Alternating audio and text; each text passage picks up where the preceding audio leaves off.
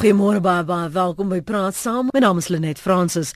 Die tesourier sê die regering se onvermoë om sy eie groeiteikens te haal was die rede waarom die kredietgraderingsagentskap Fitch sy vooruitsigte vir die land van stabiel na negatief aangepas het. Dis nou ten spyte daarvan dat Fitch en Moody's bevestig het dat Suid-Afrika se ekonomie van beleggingsgehalte is. So vanoggend kyk ons na die faktore wat hierdie graderingsagentskappe beïnvloed. My gaste vanmôre is Christie Viljoen, 'n ekonoom by KPMG. Baie welkom aan jou, Christie. Welkom. Mooi. Baie dankie. En ons gesels met Theo Venter, politieke ontleder verbonde aan Noordwes Universiteit se besigheidskool. Welkom ook aan jou, Theo. Goeiemôre, ja, dankie. Kan ons nou al begin asemhaal, Christie? Wel ons het natuurlik nog goeie nuus gekry laasweek toe van die graderingsagentskappe het darm nie vir ons te slegte nuus gegee nie, maar die kwessie is natuurlik nou hierdie komende Vrydag wanneer Standard & Poor's hulle verslag uitbring. Hulle was nog altyd die grootste risiko gewees vir 'n afgradering tot by sogenaamde rommelstatus. Dit is nou sedert Desember verlede jaar wat hulle bitterlik naby daaraan is om vir ons af te gradeer en ons selfs almal sal weet dat die afgelope 12 maande het ons ekonomiese en politieke situasie verswak tot so so punt dat dit amper onmoontlik om te dink dat hulle nie vir ons definitief hierdie voor die einde van hierdie week in 'n sogenaamde rommelstaat sal inbeweeg nie. Wat is die moontlikheid dat S&P maar net sal volg um na aanleiding van wat Fitch en Moody's gesê het? Uh, ek dink ons almal sou natuurlik wil hê dat hulle net eers 'n bietjie sou rustig wees en vir ons maar nog nog 'n tydjie gee om ons saak in orde te kry. Ek dink egter die risiko is groter dat ons wel 'n afgradering kry. Dit is nou moeilik om 'n syfer hier op te sit, maar kom ons sê 'n moontlikheid van so 60 of 70% dat ons wel afgegradeer word. Ons moet onthou dat die negatiewe vooruitsigte wat S&P in Desember verlede jaar vir Suid-Afrika gegee het, dit dit bied vir hulle 'n periode van so 1 tot 2 jaar om te besluit waarheen hulle gaan. Nou die feit dat hulle negatiewe vooruitsig gee sê alreeds hulle is van opinie die volgende beweging is afwaarts. So dit sal ons nou dadelik vat na so wat ons nou dit noem rommelstatus. Ehm uh, ek sal graag verhoop dat ons regering genoeg gedoen het.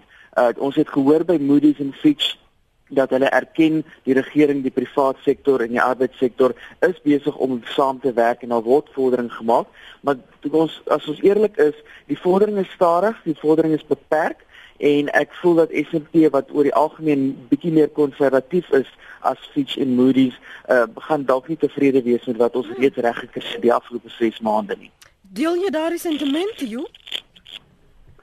Ek tegnies is Christie reg, maar ek dink tog daar is faktore op die oomblik, subjektiewe faktore. Kom ons begin eers by die objektiewe faktore. Die ehm um, kredietgraderingsagentskappe, soos ons weet, daar is drie grootes. Daar's verskeie, maar die drie grootes, naamlik Standard & Poor's, Moody's en Fitch, het omtrent 90% van alle werk in die wêreld. Hulle hulle is regtig baie goed verteenwoordig en van die drie is twee belangriker as die derde een. Uh, Standard & Poor's en Moody's dink ek is belangriker want ek dink hulle verteenwoordig meer en groter besigheid as Fitch. Fitch is die kleintjie. En ehm um, uh alhoewel hulle baie objektiewe uh, instrumente gebruik om 'n land se soewereine kredietgradering te bepaal en wanneer ons sê soewerein dan mm. bedoel ons eintlik dit gaan oor 'n land. Ehm um, is daar tog subjektiewe faktore soos byvoorbeeld die politiek, soos byvoorbeeld ehm um, beleidsverwante aspekte wat 'n mens maar ehm um, net kan gradeer en beoordeel op grond van sekere basiese kenmerke en basiese um uh ek wil amper sê uh, vaste punte wat hulle wat hulle stel vir lande. En ek dink die meeste van die kredietgaderings soos wat ons nou gesien het oor die laaste week het ten spyte van harde ekonomiese feite. Ja. En harde um statistiek het ook begrip vir die sagte goed um soos wat ons op die oomblik beleef in Suid-Afrika die laaste week of twee waar ons eintlik intense politieke woelinge raak sien wat die land in een of ander rigting kan druk en ek dink tog Standard & Poor's wat 'n Amerikaanse agentskap is hulle kantoor is in in New York terwyl Moody's meer in Londen georiënteerde maatskappy is ek dink tog hulle het genoeg begrip dat hulle vir ons nog 'n keer 'n geleentheid sal gee om te kyk of ons nie ons huis in orde kan kry nie. So ek verskil so 'n bietjie van hom mm. dat ek dink die politiek gaan maak dat hulle vir ons nog 'n kans kan gee wat teen ons stel. En waar Christus reg is, is die meeste van die goed waaroor ons uh, 'n negatiewe investeringsgradering kry. Uh, die rommelstatus of junk status is vir my nou sommer net uh uh, uh kleinweg um verkeerde taal want dit is nie regtig rommel nie dit gaan oor die graderings um status wat jy kry.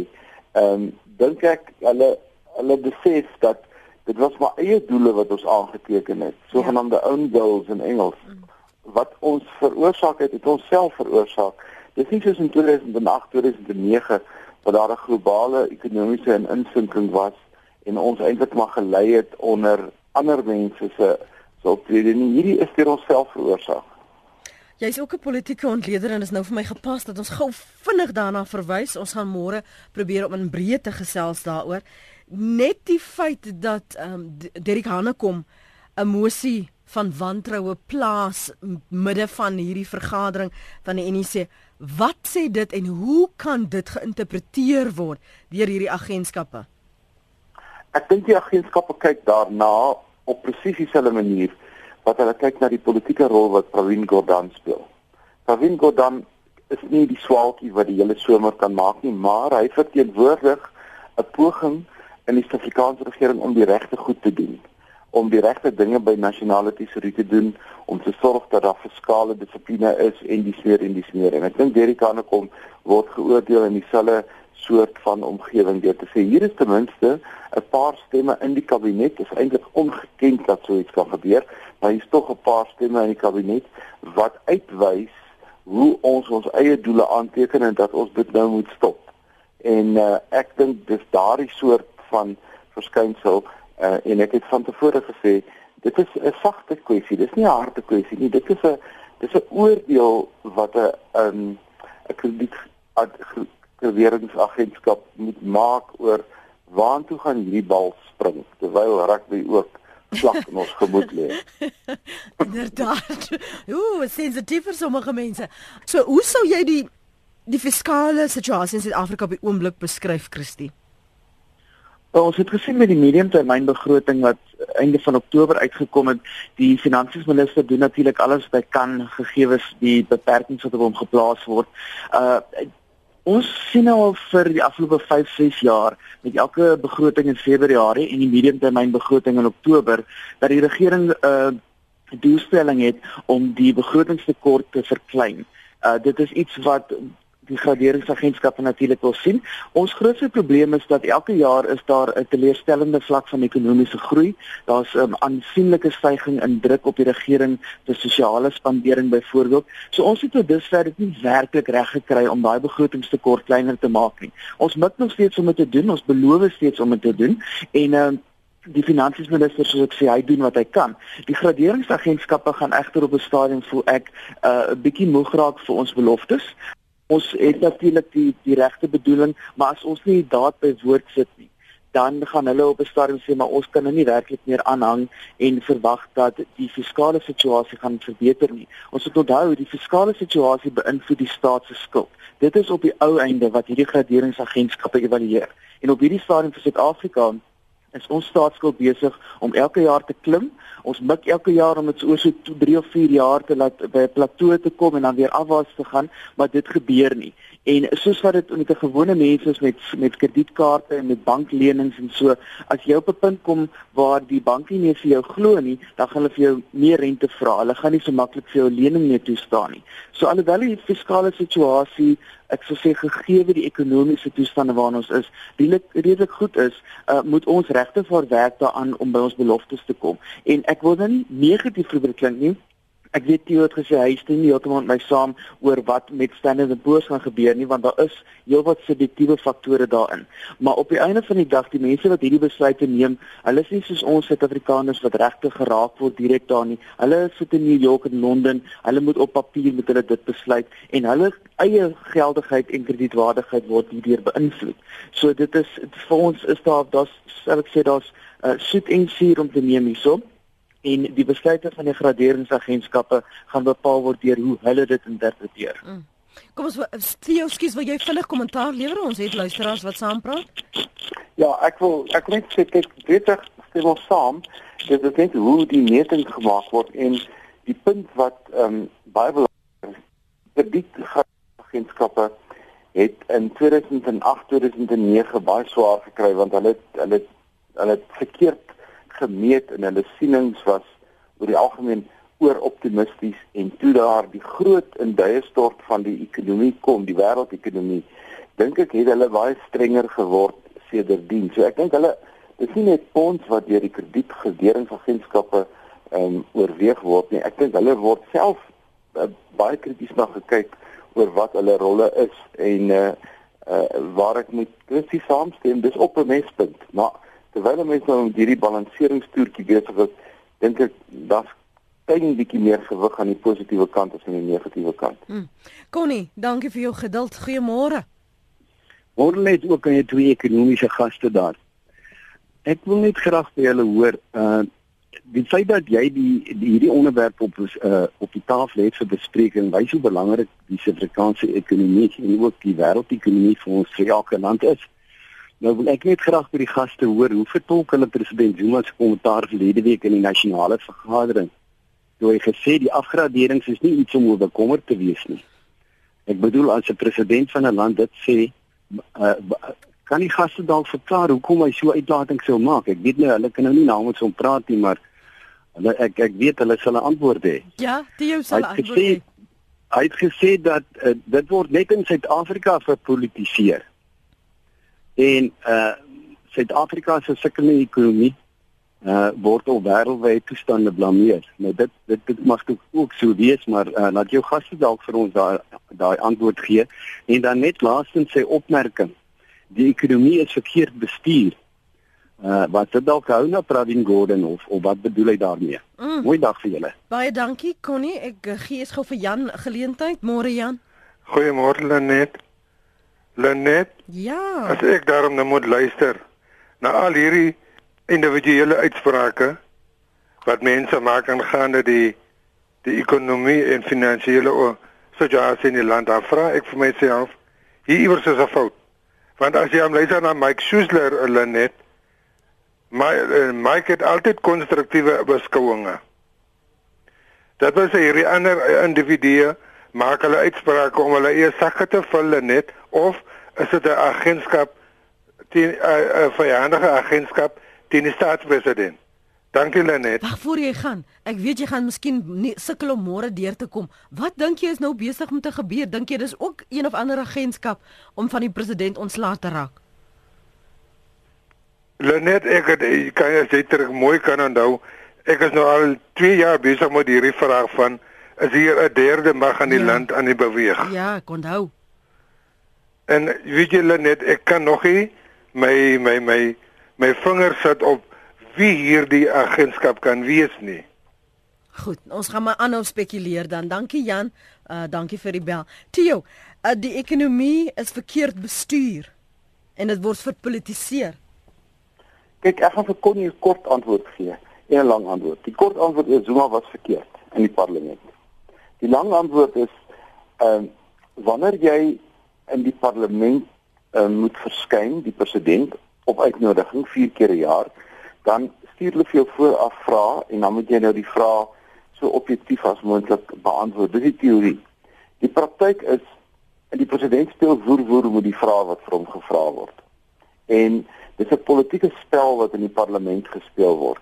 Hy het baie min van die vrae werklik objektief geantwoord soos die vrae gevra is, maar die oppositiepartye weet dit ook. So dis 'n spel wat gespeel word en ek dink meneer Zuma het die toets gedop verlede week wanneer jy 'n vraag gevra word oor Suid-Afrika se kredietgraderings ehm um, koers dan antwoord jy die vraag objektief. Dit help nie nou om 'n vergelykende soort van mhm. antwoord te gee dat ander lande het ook al ehm um, afgraderings beleef soos twee van die BRICS lande tans, ehm um, Brasilië en en ehm um, uh, Rusland.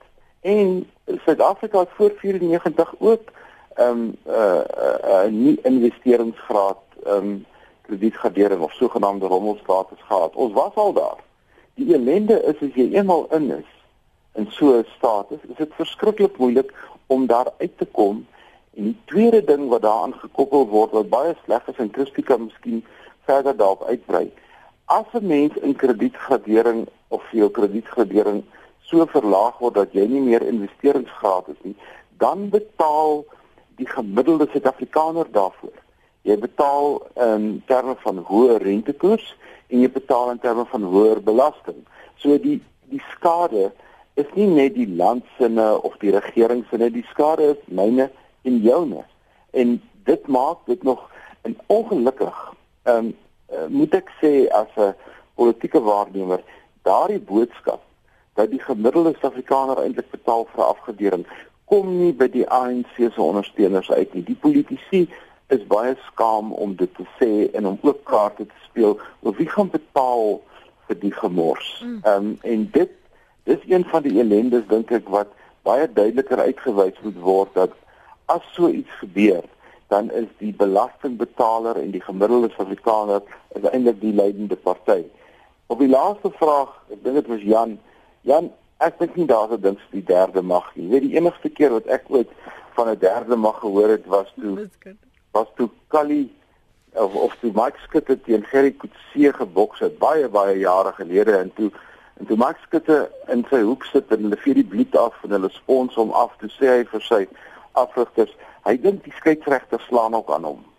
Nou die die skeieregter is die derde ja. mag. Hy is die derde persoon in die kruit. In die politiek is daar nie derde magte nie dit is intellektuele luiheid om te sê daar is 'n derde mag en dis gewoonlik 'n politieke regering wat die klagtes teen hom probeer wegkaats en sê dis iemand anders. Wat is gewoonlik 'n uh, inherente probleme wat dit veroorsaak en nie 'n derde persoon of 'n derde mag of kyk in die ou dae die nasionale party graag die kommuniste vir alles beskuldig as die derde mag. Maar ons het geweet die probleem voor 94 was 'n wit swart probleem. So die probleem was swart, hy was nie rooi nie, maar die regering het gesê dit is 'n rooi probleem.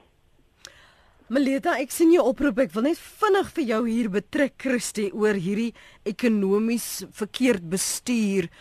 Ek onthou met die 4 dae in Desember sage verlede jaar, toe Des van Rooyen aan boord kom, was ons president so in ag en, en, en beïndruk met sy kwalifikasies en het hom geloof as die die beste sedert glutenvrye brood. So ek kan nie verstaan hoekom hy nou sê die dit word verkeerd bestuur want ons het toegesien hy's half in 'n skaakmat geplaas om weer vir Pravin terug te bring.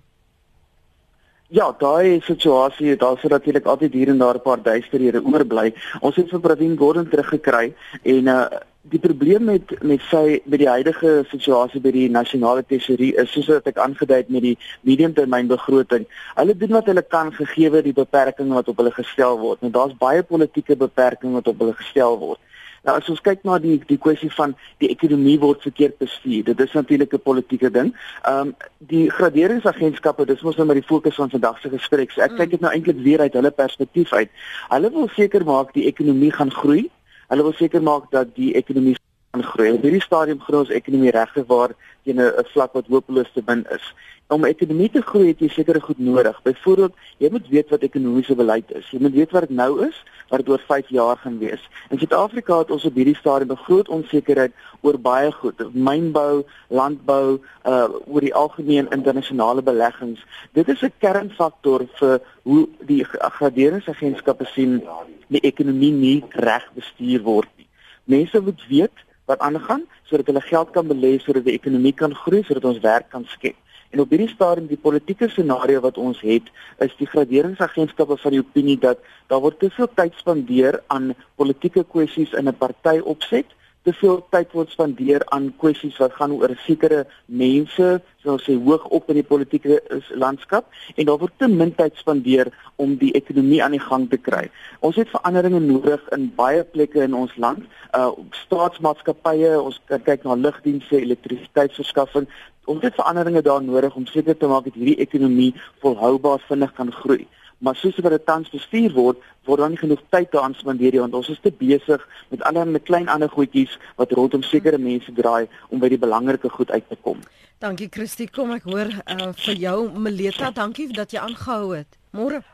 Môre, môre paneel. Weet jy, ek wil graag weet, hoe dink julle of maak dit enigsins 'n uh, indruk op hierdie uh, maatskappye oor korrupsie in ons land? Want my punt is net as as hier's nou so 'n pro geldelike probleem, maar daai gelde wat so gekorrupteer is as daar so 'n woord is, moes tog in die staatskas gewees het wat dalk ander gate kon gevul het.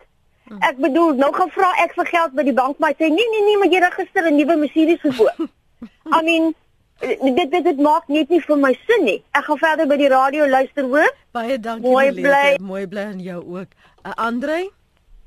Ja, Andre Victoria, ek dink daar is 'n derde mag. Uh het sy in die letterlike sin waar 'n persoon buite die regering sekere magsinvloede het en waar besluite geneem word wat hy dikteer of sy dikteer of die groep dikteer. En dan andersins kan daar in die figuurlike sin in my mening beslis 'n derde mag wees waar 'n groep mense in die regering, sê byvoorbeeld die president en sekere kabinetslede, agteraf onoffisieel sekere besluite neem, dit afdwing implementeer en dan as 'n nie as politieke partye of as as kabinet nie, maar as 'n groep met met 'n doel, uh, met ander woorde behoorlike of onbehoorlike doel, dan daardie besluite implementeer. Hmm. Dit is figuurlik gesproke in my na my mening 'n derde mag. Ek sal graag luister oor die radio, dankie. Baie dankie. Tio? Ja, ehm um, volgens sy definisie, ehm um, kan hy dit 'n derde mag beskou. Ons beskou dit in politieke terme as as belang belangegroepe of drukgroepe en as die regeringsstelsels en die die politieke ehm um, rolspelers ehm um, nie 'n uh, behoorlike bestuurspraktyke volg nie, dan kan sulke groepe 'n uh, oormatige beheer of 'n oormatige invloed op die regering uitoefen, soos wat ons nou met die Gupta's gesien het en soos wat nou aangeteken is in die verslag van die voormalige openbare beskermer Tuli Madonsela.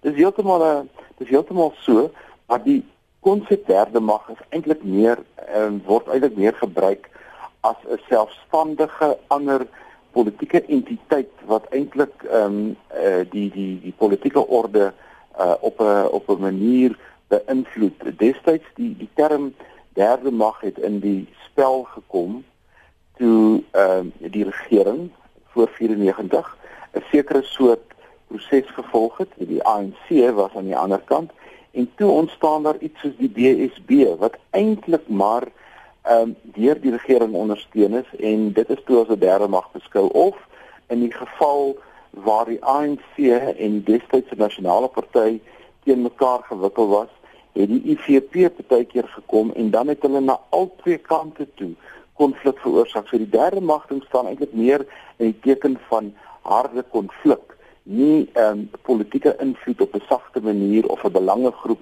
en dies meer nie, maar ehm um, wat die die gebruik van derde mag in die Suid-Afrikaanse politieke konteks uh, word eintlik gebruik op die oomblik om te sê um, ons het nie regtig beheer hieroor nie. Iemand doen dit sonder dat ons dit weet. Die skeieregter model met ou Mike Skutte. Dis hoe ek dit probeer um, beskryf het. Om die vraag hier oor korrupsie net kortliks te beantwoord. As jy net kyk na hoe die kredietgederingsagentskappe werk, dan kyk jy na die lysie van sake wat hulle oorweeg en en wanneer hulle kyk na 'n land dan dan oorweeg hulle politieke stabiliteit as 'n faktor. Hulle oorweeg ekonomiese faktore, die struktuur van die ekonomie, die groei van die ekonomie. Hulle kyk na jou fiskale buigsaamheid. Hulle hulle kyk na jou monetêre stabiliteit en hulle kyk die en ek sou sê 80% en Christie kan miskien meer presies wees. Maar 80% van die kredietgederingsproses is ekonomies, fiskaal en monetêr en 'n baie klein proporsie is polities. En korrupsie sou as een van die faktore in die politieke oordeel vel, maar ek dink nie dis 'n kategorie op sy eie nie. Dit word verdiskonteer op ander plekke. Dit sou nie in 'n soewereine risiko um, 'n um, groot rol speel nie. Mm. Jacques is op die lyn in Kaapstad. Jacques, ek weet jy het 'n uh, ekonomiese punt om te maak sal ons dit inlei dan Christie en en praat oor werkloosheid en die nuwe voorgestelde minimumloon. kan dit die gradering beïnvloed? Wel die situasie staan so die minimumloon is natuurlik nou nog glad nie goedgekeur nie. Ja. Uh, as ons kyk na die navorsing, dis dit baie deeglike navorsing wat gedoen is rondom dit. Ehm um, die paneel wat nou aangevoer het dat ons 'n minimumloon van R20 per uur moet hê, het aangedui dat amper die helfte van die mense in ons land verdien tans minder as dit. Nou dit is eerstens dit op sigself is, is kommerwekkend. Die feit dat ons wil probeer om lone te laat lig met soveel vir soveel mense oor kort tyd is is kommerwekkend.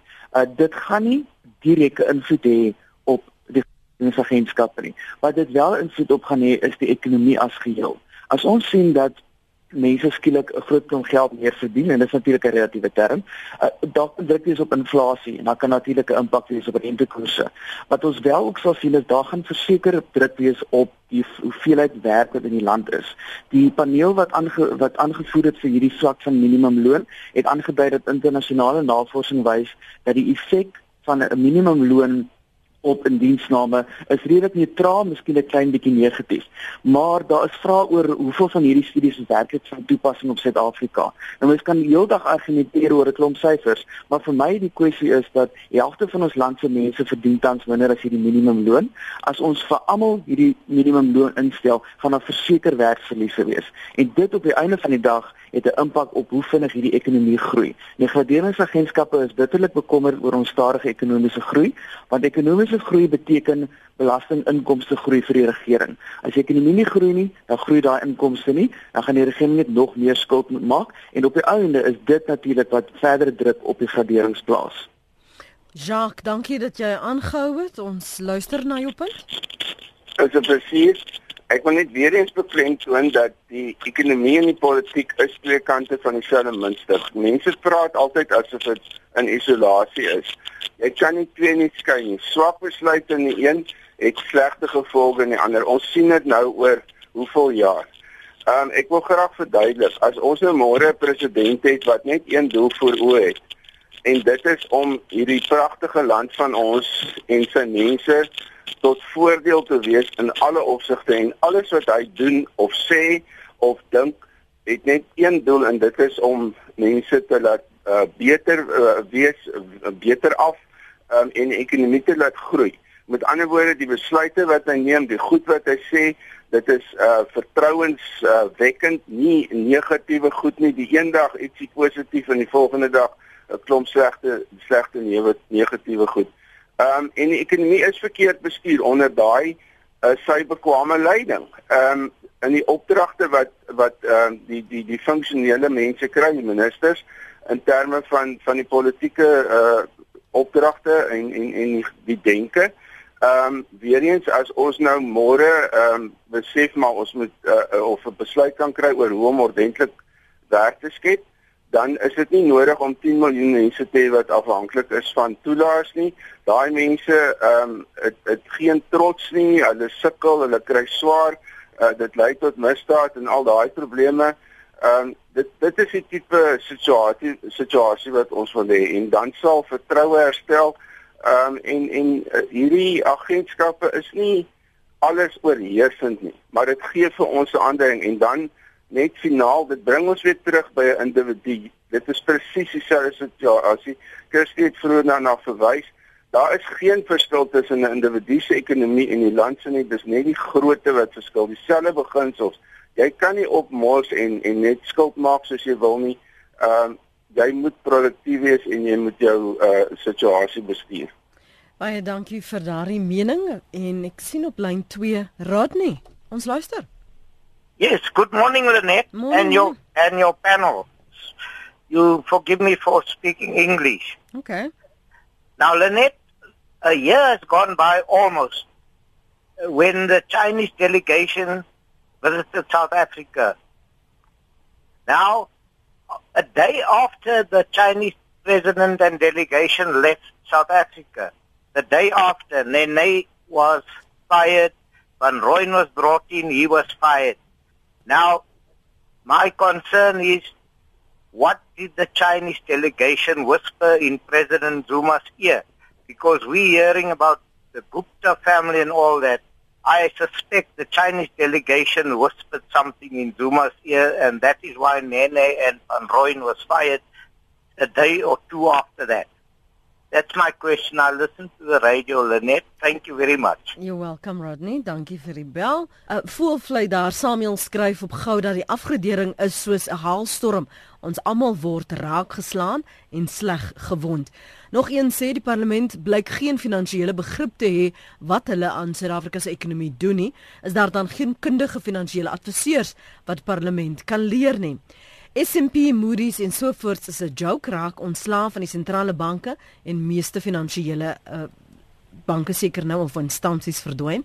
Ek neem nou aan daar is nou dis die implikasie van die wat die persoon skryf.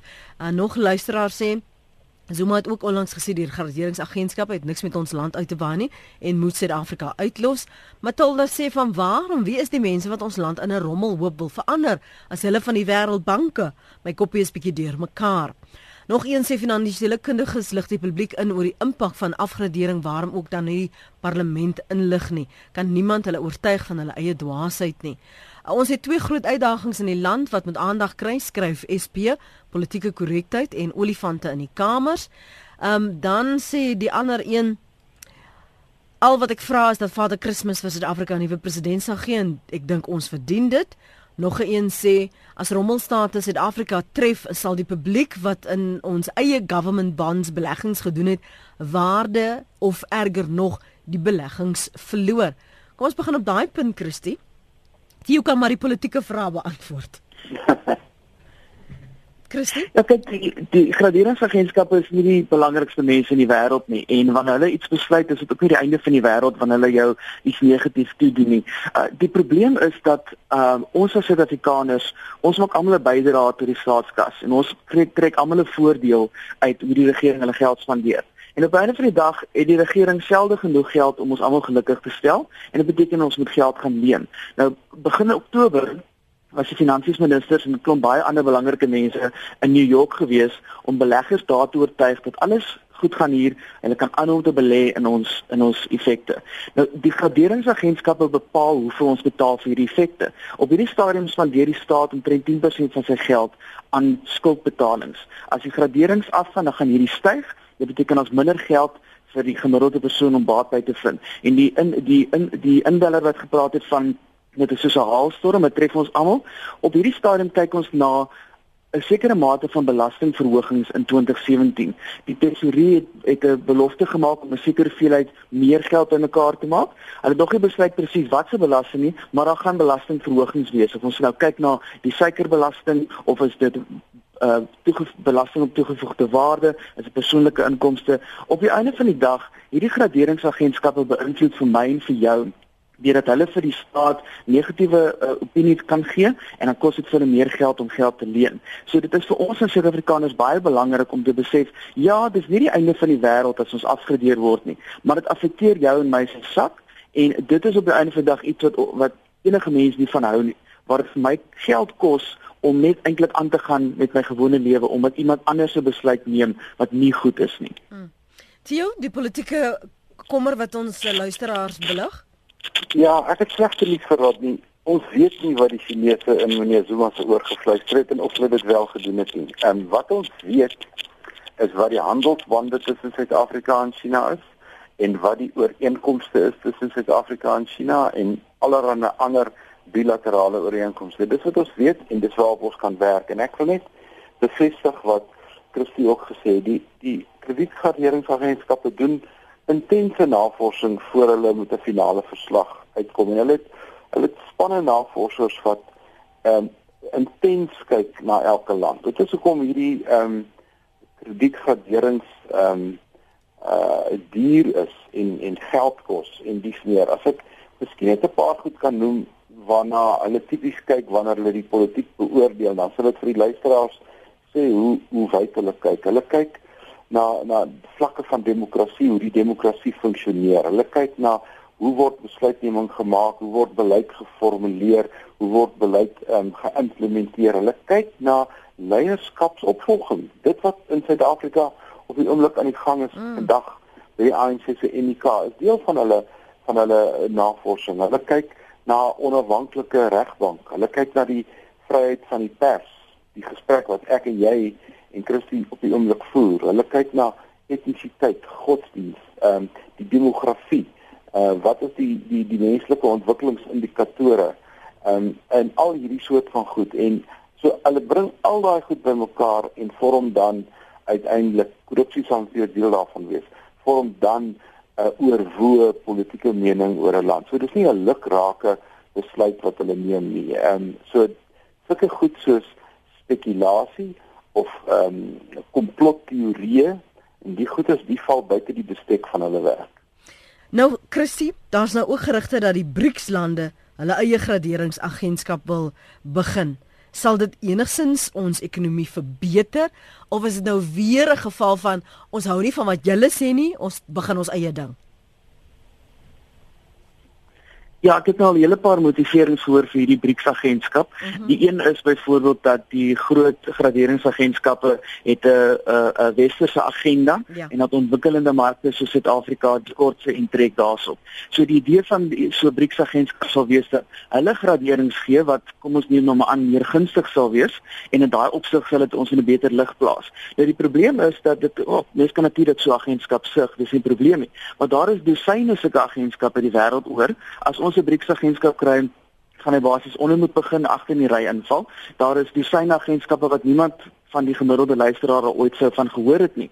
So dis nie asof dit skielik 'n oplossing gaan wees nie. Uh, ons moet onthou die mense wat hierdie graderings gebruik is beleggers met baie geld wat baie tyd spandeer om hulle geld effektief te gebruik en jy kan nie sommer net skielik opdaag op 'n dag met 'n nuwe agentskap en sê hierdie een is belangriker as Standard & Poor's of Moody's of Fitch nie. So op die einde van die dag die sukses van hierdie agentskap gaan wees die kredietwaardigheid, die geloofwaardigheid van hoe hulle hulle bepalinge doen, maar ook of mense belangstel om hulle werklik te gebruik. So hierdie is nie 'n vinnige oplossing waar ons dit kan sê waar ons ignoreer die res hierdie BRICS gaan ons nie help nie. Dit is definitief nie iets waarop ons ons hoop moet plaas om hierdie land se graderings nou skielik op 'n baie beter posisie te sit nie. So en dit verwys na die beleggingsgehalte wat uh, jy nou nou genoem het waarna hulle kyk en wat moontlik vir Suid-Afrika van waarde kan wees. As ons praat van beleggingsgehalte wat Suid-Afrika ja, is, die die, die uitspraak wat Fitch en Moody's gemaak het toe hulle hulle graderings aangekondig het. Ja, die uh, aankondigings laasweek het basies vir ons gesê dat um, hulle sien ons maak vordering met sekere aspekte. Mm. Daar's sterk punte steeds in ekonomie, byvoorbeeld monetêre beleid, maar daar's baie goed om oor bekommerd te wees. En soos ons vandag hier staan, is al drie van die groot agentskappe op 'n sogenaamde negatiewe vooruitsigte. Uh Fitch and Moody's ons is die regering het aangedui hulle is gelukkig met die met die versaak wat laasweek uitgekom het, maar die punt is hulle volgende beweging gaan afwees selfs met S&P, dis ook 'n negatiewe vooruitsig. So ja, daar's da definitief goeie nuus, maar soos ons nou staan en vorentoe kyk, is dit in werklikheid afdraand. Uh die regering het heel gelukkig gewees soos ek sê laasweek, maar die realiteit is dat almal wat belangrik is op hierdie stadium vir ons sê julle beweeg in die verkeerde rigting en dit het 'n groot impak op die langtermyn mm. ge, uh, gesondheid van ons ekonomie en die welstand van ons mense. So volgens jou vir oggend in hierdie uur is dit onvermydelik en onafwendbaar. Uh, ek glo so ja. Dit is ehm um, ek sou natuurlik graag nie die tipe goed wil sê nie want as Suid-Afrikaner wil ek nie dit moet gebeur nie. Mm. Ehm um, ek is soos ek sê, ek is seker meer pessimisties as jy oor wat Standard & Poor's hierdie week gaan doen. Ehm um, as ons dit regkry om is so afgradering vry te spring, dan is die volgende stap wat is volgende. Uh die kwessie is dat gegee dat al die vooruitsigte negatief is, beteken dit dat ons in 2017 nog steeds 'n baie moeilike jaar gaan beleef.